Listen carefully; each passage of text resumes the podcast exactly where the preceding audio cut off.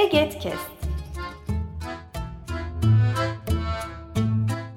Bu yayın Eğitimde Görme Engelliler Derneği tarafından hazırlanmıştır.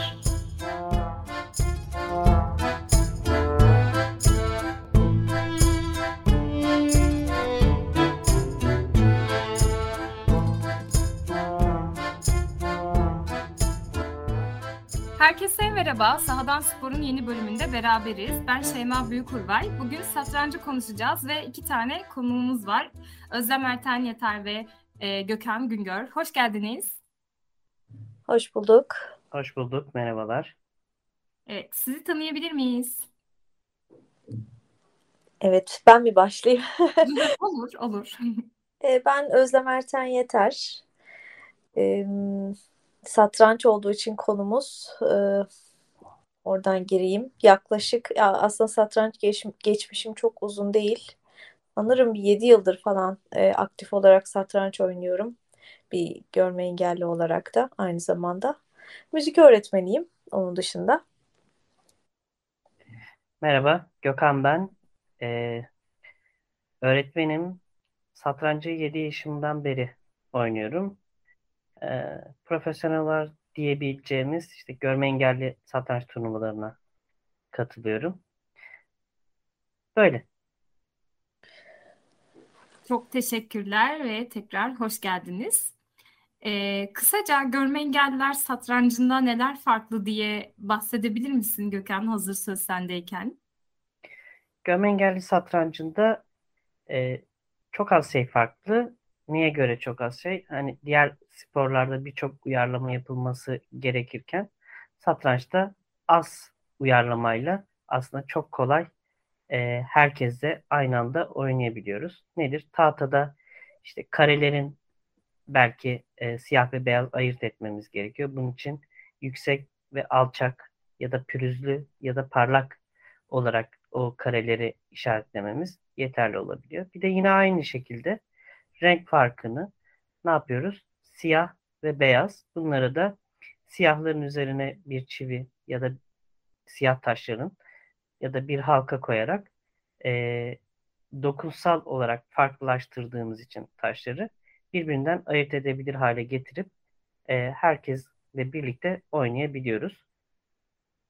Tabii ki e, bu konuda adım atılması gereken e, biraz daha bizi teknolojik olarak desteklenmesi gereken konuşan saatlerin yani satranç saatlerinin konuşan olarak her salonda ve her turnuvada her saatin bu özelliği taşıması halinde turnuvalar daha da erişilebilir olacak. Konuşan satranç saatleri mevcut.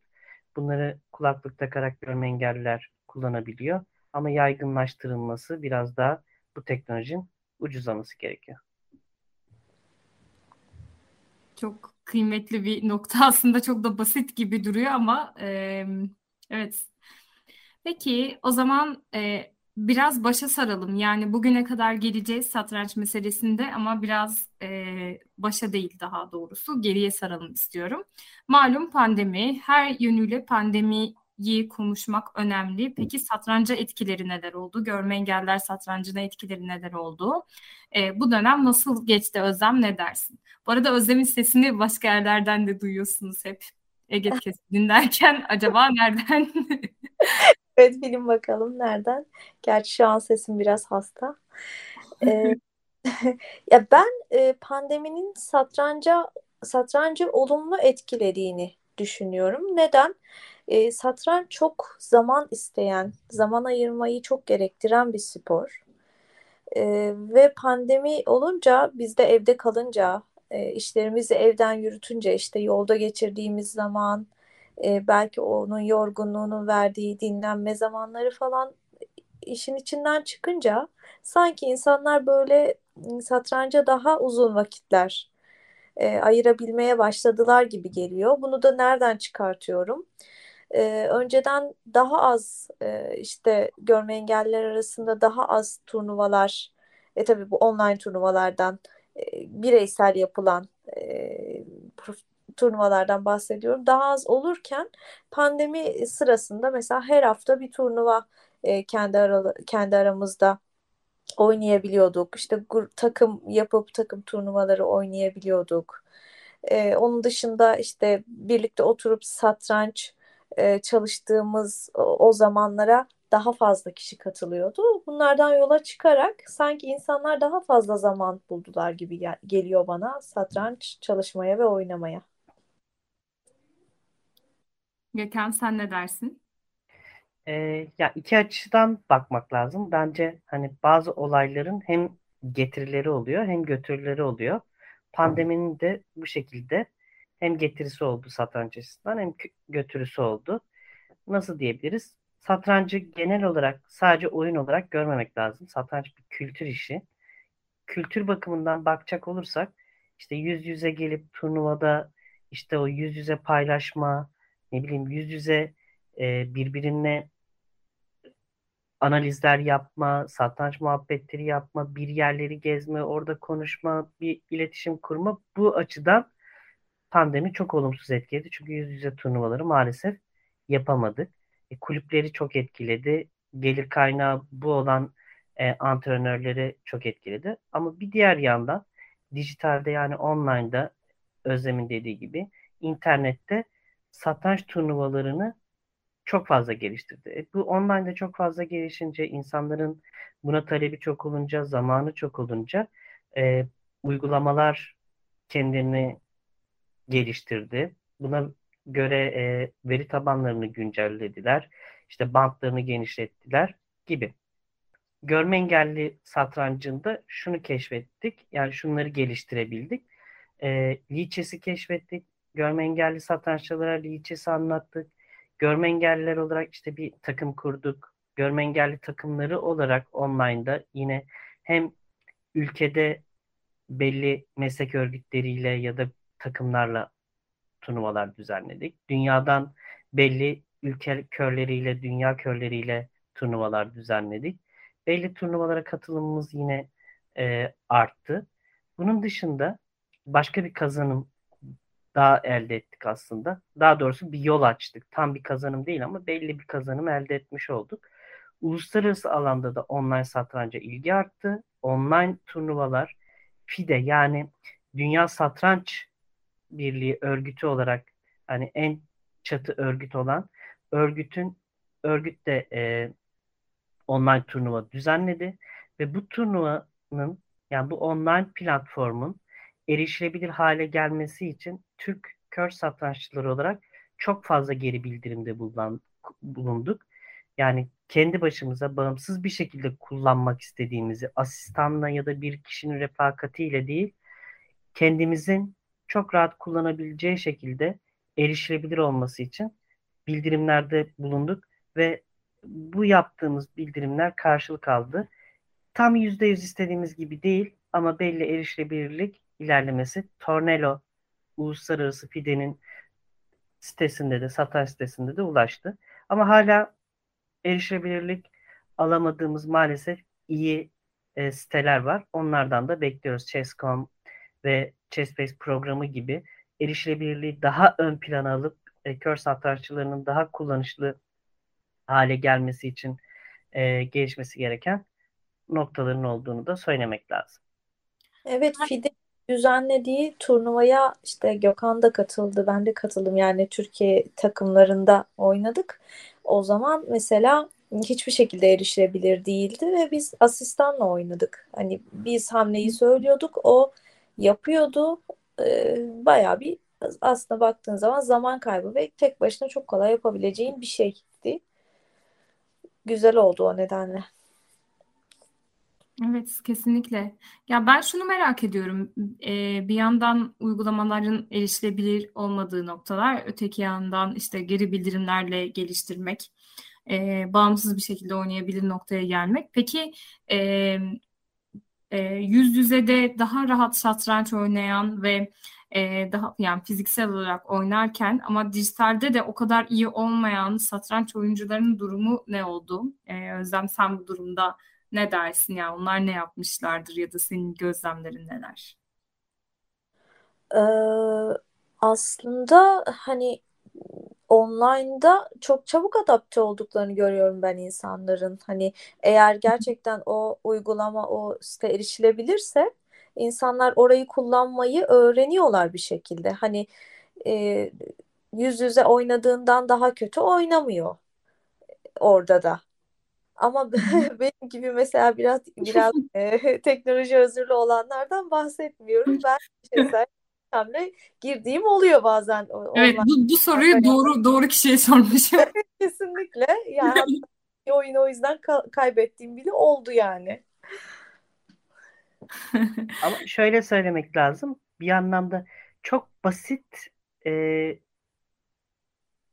teknoloji yetilerine sahip insanlar da e, kendilerine yer bulabiliyor. Nasıl? Mesela şu an bir yazışmalı satranç oynuyorum. İşte sadece mail atıp hamleleri gönderiyorsun. Yani sadece mail atmayı bilmek yeterli. Mesela sadece Skype'ı kullanarak e, Skype'tan arama yaparak maç gününü işte mailden yazışıp Skype'tan arama yaparak yine katılabiliyorsun. Yani çok az teknolojiyi kullanabilen, hamle girmeyi hani ya da internet tarayıcıları çok hakim olmayan insanlar sadece Skype'tan arayarak mesela e, hem derslere katılabiliyorlar. Değil mi Özlem? Özellikle evet. Uğur'un Uğur Deniz'in verdiği dersler mesela Türkiye'de. İşte İng- İngilizcesi varsa Paul Benson gibi işte e, uluslararası verilen bazı derslere, kayıtlara katılabiliyorlar. Hani çok basit teknoloji bilgisiyle dahi ulaşılabilir hale geldi diyebiliriz dijital anlamda satranç. O zaman pandeminin anahtar kelimesi uyum sağlamak burada da geçerli anahtar kavramı belki. Peki ben biraz e, bugünkü durumda durum üzerinden konuşalım istiyorum. Ee, önceden Türkiye'de yani pandemiden önce de Türkiye'de neler yapılıyordu, nasıl turnuvalar oluyordu? Biraz bundan bahseder misiniz? Hangimiz başlayalım? Fark etmez. Senden başlayabiliriz. Ee, şimdi yılda bir kez e, görme engelliler Türkiye şampiyonası yapılıyordu. Daha önce pandemiden önce. E, bu turnuvaya herkes isteyen herkes katılabiliyordu. Belli alt grupları vardı bu turnuvanın. E, bu turnuva hani iyileştirilmeye çalışılıyordu ve bu konuda çok fazla bizim talebimiz vardı. Ama e, ne yazık ki çok kalabalık oluyordu. Ee, hiç satranç bilgisi olmayanlar dahi orada oluyordu. Ve bu hem e, hani o salonun satranç oyna, oynayabilir oynanabilirliğini etkiliyordu. Hem de daha önceleri sıralamayı bile etkileyebiliyordu. Kiminle karşılaşacağınıza bağlı olarak. Ancak pandemiden sonra e, sanırım biraz bunlar düzeltilmek zorunda kalınacak. Hani mecburi olarak çünkü e, o kadar kalabalık organizasyonlar yapılamayacak gibi geliyor bana. Kalabalıktan kastın ne peki? Efendim? Kalabalıktan kastın ne? Mesela kaç kişi geliyordu? Ya aslında kalabalık e, şöyle nitelikli kalabalık olmaması problem. Hmm. Yani e, ben kadınlar grubunda oynuyordum mesela şampiyonada. E, diyelim ki 90 tane kadın geliyordu. 90 belki büyük bir kalabalık değil. Ama mesela benim ilk 3 karşılaştığım 3 maç e, tamamen karşımdaki oyuncunun hiçbir şekilde satranç e, oynamaya gelmediği maçlar oluyordu. Ya taşları bilmediği, taş dizmesini dahi bilmediği. Mesela geliyor karşıma oturuyor. Taş tahtası taşları yok ya da dizmeyi bilmiyor taşları. Hani 3 maç 9 maç oynayacağım. Oradan 3 maç gitmiş oluyor. Hani ya bir de hani herhangi bir 3 maç yani. Bu, bu, üç yani denk gelen ilk 3 maç yani. Büyük bir şey demek ki gerçekten. Evet evet aynen. Hani kalabalık niteliksiz olması nedeniyle kalabalık olduğundan bahsediyorum elbette. Peki Gökhan senin bu e, konuya ve bununla beraber de e, ya bu konuya eklemelerin bir de bununla beraber e, Türkiye'deki durum dünya genelinde du, dünya e, açısından ne durumdadır sence? Şöyle diyebiliriz. Türkiye'de işte e, Kerim Selim'in başta e, katkılarıyla ve öncülüğüyle bir satranç Türkiye e, Körler Spor Federasyonu satranç konusunda turnuvalar düzenlemeye başladı. Daha sonra TESEV'in de bazı turnuvaları oldu. Yılda bir kere şampiyona düzenleniyordu. Önceleri kötü koşullarda aslında düzenleniyordu. Bu arada Az Kerim kişiyle. Selim e, Altınok. Evet, Kerim Selim Altınok'tan bahsediyoruz. Onların aslında girişimciliği. Onların grubu diyelim. Kerim Selim, işte Remzi Çolak, eee, Mahmut Gündaylar gibi be- baş zamanda onların girişimiyle satranç başladı. Turnuvalar oldu. Eee, sonra bizler dahil olduk, katıldık. Eee, senede bir kere çok iyi elverişli olmayan ama samimi olan ortamlarda satranç turnuvaları düzenlendi. Daha sonra yavaş yavaş uluslararası turnuvalara katılmaya başladık ve uluslararası turnuvalara katılmaya başladığımızda bu şampiyonalardan çıkan insanlarda biraz seviyemizi yükseltmemiz gerektiği, daha iyi sat koşullarda satrancın çalışılması gerektiğini gördük. Ve e, koşullar biraz iyileşti ama koşullar iyileşince maalesef bu iyi ortamda herkes olmak için geldi. Satranç dışında başka amaçlar için gelmek isteyenler çok oldu ve buna da birazcık aslında federasyon tarafından müsaade gösterildi. Ee, sırf sosyalleşilsin diye ama yani 500 kişi geliyorsa işte 500 kişinin 400'ü satrançla alakalı değil. E, hani bir organizasyon için gittiğinizde 5'te 4'ü orayla alakalı olmayınca maalesef orada e, o amaçtan çok söz edilemiyor. Yani amaca amaçtan uzaklaşma oluyor. Bunu yaşadık. Ama e, bu konuda şimdi ekonomi gerekçelerle de tabii ki ekonominin geldiği durumla birlikte bu kalabalık birazcık azalacak diye biliyoruz. Hem de yeni bir yönetim değişimi oldu. E, bu yönetimde e, Türkiye Körler Spor Federasyonu'nun yeni yönetiminde satrancın daha iyi olması konusunda bir e, en azından deklarasyon var. Yani bir açıklama var. Umarız bu konuda belirtilen e, şeyler yapılabilir. Bundan önce başka neler yapılmıştı? Sadece yılda bir evet e, turnuva oluyordu. Kategoriler arttırıldı. Kadınlar eklendi, gençler eklendi, yıldızlar eklendi. A, B, C kategorilerine bölündü. Yani üç kategoride yapıldı biraz kalitenin artması için. Bu biraz gelişme sağladı tabii ki. Ve en önemlisi her sene ilk 10 ve kadınların, gençlerin şampiyonun katılacağı şekilde ilk 12'nin aslında arasında döner turnuva yapıldı. Bu da bir gelişme sağladı. Pandemiyle birlikte buna biraz ara verildi. Uluslararası turnuvalara katılmaya da maalesef durduruldu. Başka e, branşlarda uluslararası etkinliklere, faaliyetlere katılım yapılırken satranç yine göz ardı edildi.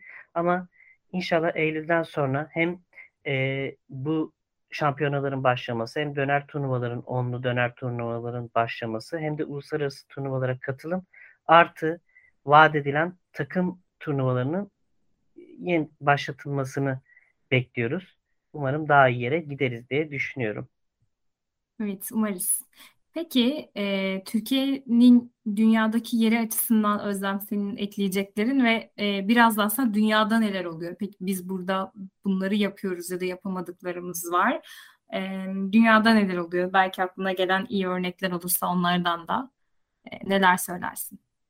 Ya, dünyadaki oyunculara baktığımızda e, bizde satrancın çok desteklenmediğini, özellikle de çocuklar açısından çok desteklenmediğini düşünüyorum ben. Geç yaşlarda satranç oynamaya başlıyoruz. Yani e, Gökhan 7 yaşında başladığını söyledi ama e, çoğu insan çok daha geç yaşlarda başlıyor. Şu anda da mesela görme engelli çocuklar arasında e, çok desteklenen bir spor değil satranç. Yani çok e, onlar öğrensin diye özel yapılan şeyler yok benim bildiğim kadarıyla. O da ileriye dönük olarak e, çok iyi satranç oyuncularının ortaya çıkma, çıkmamasına neden oluyor bence. Hani bu bir kültür dedik ya ya satranç e, kültürü daha gelişmiş olan ülkeler daha iyi oyuncular çıkarıyorlar. E, daha sağlam oyuncular çıkarıyorlar gibi geliyor bana. Türkiye'de biz biraz bunu e, kendi e, kendi e, ne derler kendimiz çok istediğimiz için bir başarı elde ediliyorsa o insanın kendi başarısı gibi oluyor bence. Hmm, Daha yani buna buna yönelik bir destek destek sağlayacak bir sistem yok aslında. evet. Çok sorumlu. Mesela ben buradan devam edeyim. Hani ben 7 yaşımdan beri oynuyorum ama 7 yaşımda bir satrancı öğrendim. Öyle oyun olarak kaldı. Ta işte 17-18 yaşıma gelince turnuvalara katılmaya başladım. İşte sonra biraz daha işte üniversitede işte şey oldu. İşte biraz Aa, bu iyiymiş gerçekten vakit ayırmam gerekiyormuş deyip oturup çalışmaya başladım falan. Ama aslında 7 yaşımdan itibaren desteklenseydim, e, öğretmenim olsaydı, eğitim materyallerim olsaydı belki dünya için daha iyi bir başarıya ulaşabilirdik Türkiye olarak. Ya da ne bileyim mesela Uğur e, Deniz ge- bir ge- çok güzel bir gençlik turnuvasında uluslararası iyi başarı elde etti. Ama desteklenmediği için o çıktığı noktada kaldı. Onun yendiği şampiyon e, daha sonra bir sürü şampiyonluklar aldı ama Uğur bir yerde kaldı. Çünkü desteklenmiyoruz. Hmm. Sistemimiz yok, koçumuz yok, antrenörümüz yok. E, devamlı takip edilen bir milli takım havuzumuz yok gibi. Dünyada ne oluyor ama işte çocukluğundan beri artık okul öncesinden satranca başlanıyor, eğitim veriliyor, gelişmesi takip ediliyor, eksiklikleri takip ediliyor, güçlü yanları takip ediliyor, bunlar destekleniyor gibi. Bizde böyle bir şey yok. Hala körler okulumuz okullarında ne bileyim Milli Bakanlığı'nın destek eğitimi noktasında satrançla ilgili hiçbir takibat yok, destekleme yok. İşte milli takım Hele ki oyuncuları milli hele takım ki kaynaştırma sisteminde olan e, ve aslında bu konuya yetenekli olabilecek bir sürü e, görme engelli insan açısından düşününce bayağı korkunç şeyler geliyor aklıma. Yani hiç haberleri bile olmuyordur kaynaştırma sisteminde olanların muhtemelen. Yani birçok e, satranç eğitmeninin, körlerin nasıl satranç oynayabileceğiyle ilgili belki bilgisi yok. Yani bu Evet. eksik. Buradan da bir şey yok. E, dünyadaki yerimiz o yüzden de aslında çok yuka- yukarılarda değiliz. Ama e, yukarıda olmamamızın bir nedeni de şu aslında. Dünyadaki iyi kör satranççıların çoğu e, askerken kör olmuş. Yani aslında görüyorken satranç öğrenmiş insanlar. Mesela Rus körlerin çoğu, ne bileyim e, Polonya körlerinin çoğu. Yani birçoğu benim gördüğüm, daha doğrusu benim tanıştıklarımdan bunu söyleyebilirim. Amerika körleriyle de hani yazıştığımda hep asker çıkıyor. Yani army. Hepsi e, askerlikten kör olmuş. Ama bizde ise e, satrançta iyi olan körlerde ise e, bir as- görürken öğrenme değil, gerçekten bunu körken öğrenmiş, kendini geliştirmiş, zorlamış ama desteklenmediği için o noktada kalmış satranççılar mevcut. Aslında güçlü bir yan sanki ge- geride kalmış gibi. Aynen Güçlü geliştirmedi, desteklemediğimiz için. Ama e, birçok zaman kaybına tabii neden oluyor. Hala mesela Türkiye'deki satranç oyuncuları hala kendi imkanlarıyla satranç kitaplarını okutuyorlar. Yani satranç kitaplarını taramak e, zaten çok zor bir şeydir. Bilmiyorum hiç yapıldı mı o şekilde.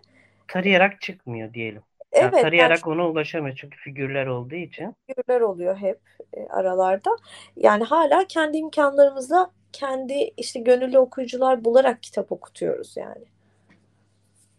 Evet, bu da sahip olunan kişisel imkanlarla ne kadar çabaladığınla ilgili ya da çabalayacak imkan da önemli bu noktada. Bir de Ee, tabii kör satranççıların hani e, gerçekten entelektüel seviyesinin yüksek olmasından dolayı birazcık birbirleriyle de paylaşımı yüksek. O yüzden aslında gelişiyor ve tutuluyor. hmm, Hani herkes öğrendiğini hemen paylaşma hevesiyle geliyor. Bak şunu buldum, bunu gördüm. Şurada şu varmış. İşte bu paylaşımla aslında ayakta duruyor şu an için kör satrancı. Ve çok fazla birbirimizi de eğitiyoruz. Yani hani e, Uğur Deniz'in verdiği dersler gerçekten hem sürekli e, yani gerçekten aksamadan devam ediyor. E, onun dışında da yine bunu yapan insanlar var benim bildiğim kadarıyla. Aynen. Mesela Uğur Skype turnuvalarını buldu, şey yaptı, dağıttı. Sonra işte o bıraktı. U, e, Orhan bu konuda herkesi destekliyor. Orhan Yeter işte Skype turnuvalarından olsun şeylerden haberdar ediyor. Ya herkes bir yerde bir dağılım yapıyor. Kerim Selim kitaptan, işte Can abi bir yerden, e, Evet. biz bir yerden uğraşıyoruz. Satranç severler bir yerden. Hani hep birilerinin paylaşımıyla hani sadece ben buldum yararlanıyorum değil, e, birbirimize paylaşımla ilerliyoruz aslında. Evet, bunu bir örneği de e, Özlem en yakın zamanda bir seri yapmıştın. O serinin ismi neydi? Ege Tuzak'tan etkinlik e, kapsamında. E, tam Ha, adı neydi? Satranç eğitimi. Evet ben bile Evet, başlangıç satranç eğitimi. Hı hı. yani e, ben bile elimden gelen bir şey yapmaya çalıştım satrançla ilgili. Hani ben Sohbet odalarında pardon yani çok yine hani kendimi çok kısa zamandır satranç oynuyorum o nedenle. Hani ben bile. Evet, bence de o bilenin açıklanmaya ihtiyacı vardı. Yoksa e, hani e, ben bu s- e, satrançtan uzak halimle gibi bir anlamda değil. E, peki, o zaman ben çok teşekkür ediyorum. E, sona doğru yaklaşırken de size eklemek istediğiniz neler var diye sormak istiyorum son olarak.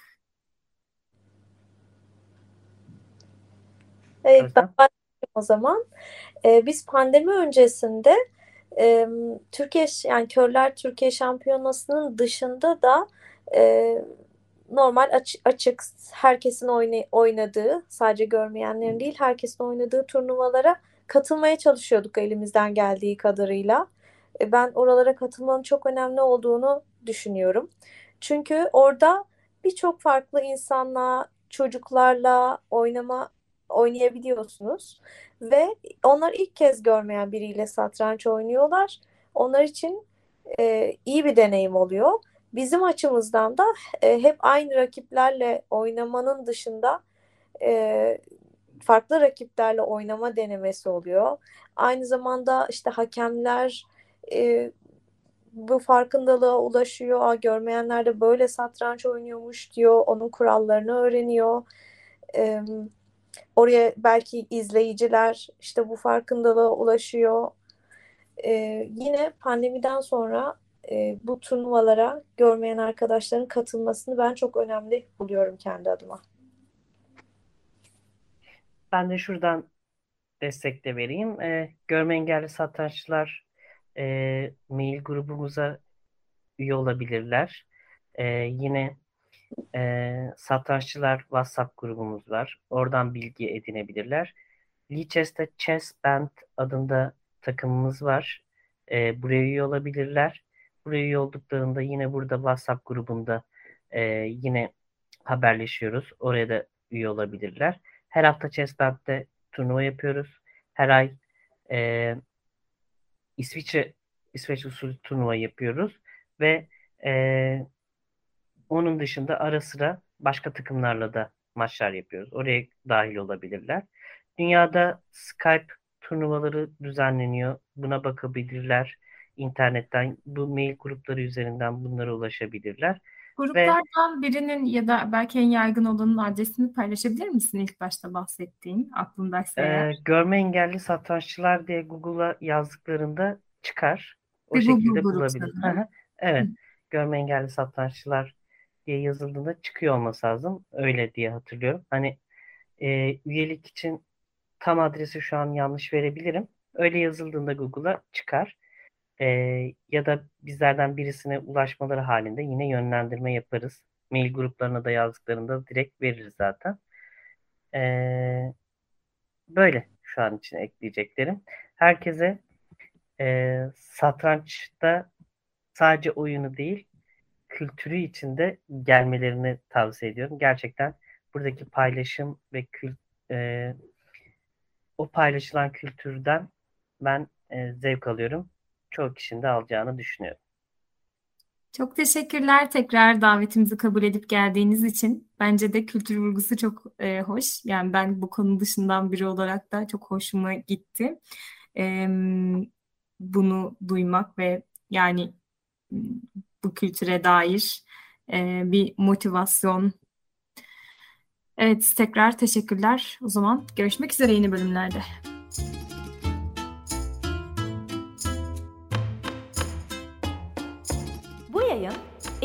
Görme Engelliler Derneği tarafından hazırlanmıştır. Web sitesi eget.org Mail bilgi.eget.org Facebook Eğitimde Görme Engelliler. Twitter et Eget İletisim. Instagram Eğitimde Görme Engelliler